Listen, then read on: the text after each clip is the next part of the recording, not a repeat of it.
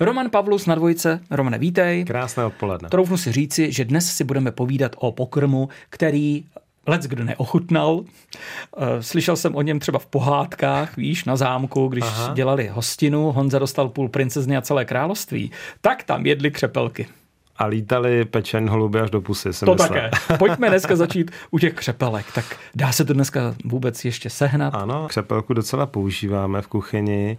Křepelka je vlastně zvěřiná, dalo by se říct. Hmm. Takový malý bažantík, asi mě možná někdo napomene, že to tak úplně není, ale křepelka je taková jednohubka, je jedna křepelka, jedna porce. Křepelku hrozně rád používám na našich kurzech vaření, to úplně vyžadují, hmm. protože ji vykostíme, naplníme nádivkou a upečeme v celku. Křepelka se peče potom jenom čtvrt hodinku na 180 stupňů s tou nádivkou, takže je to vlastně taková rychlovka. Jsi odpověděl úplně jinak, než jsem čekal. Já jsem myslel, že budeš říkat, no je s tím hrozně práce.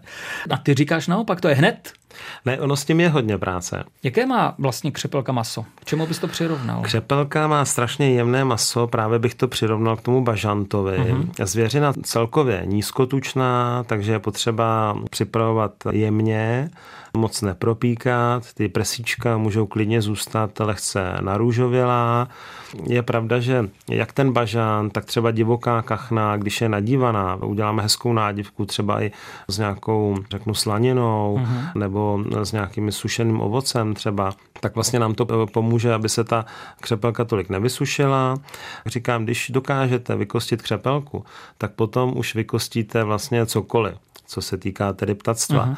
Uh-huh. Když už potom jdeme do kuřete, do kachny a vlastně třeba i do krůty, tak vykošťujeme úplně stejně. Také praktická rada v podstatě.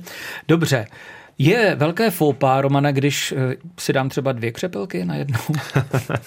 Já myslím, že ne, ale ne. ono, když se to naplní tou nádivkou, tak křepelka upeče se, tak ona tak malá porce zase není. Dobře.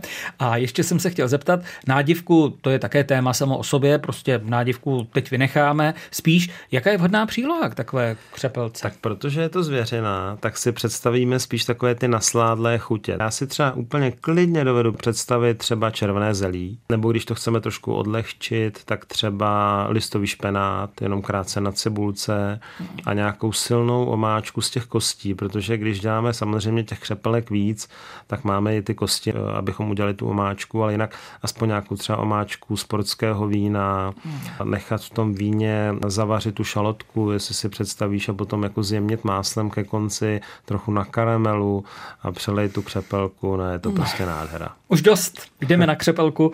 Roman Pavel Paulus na dvojce. Děkujeme, těšíme se příště a pamatujeme si, jak někdo vykostí křepelku už umí vykostit kteréhokoliv ptáka. Je to tak. Tak děkujeme.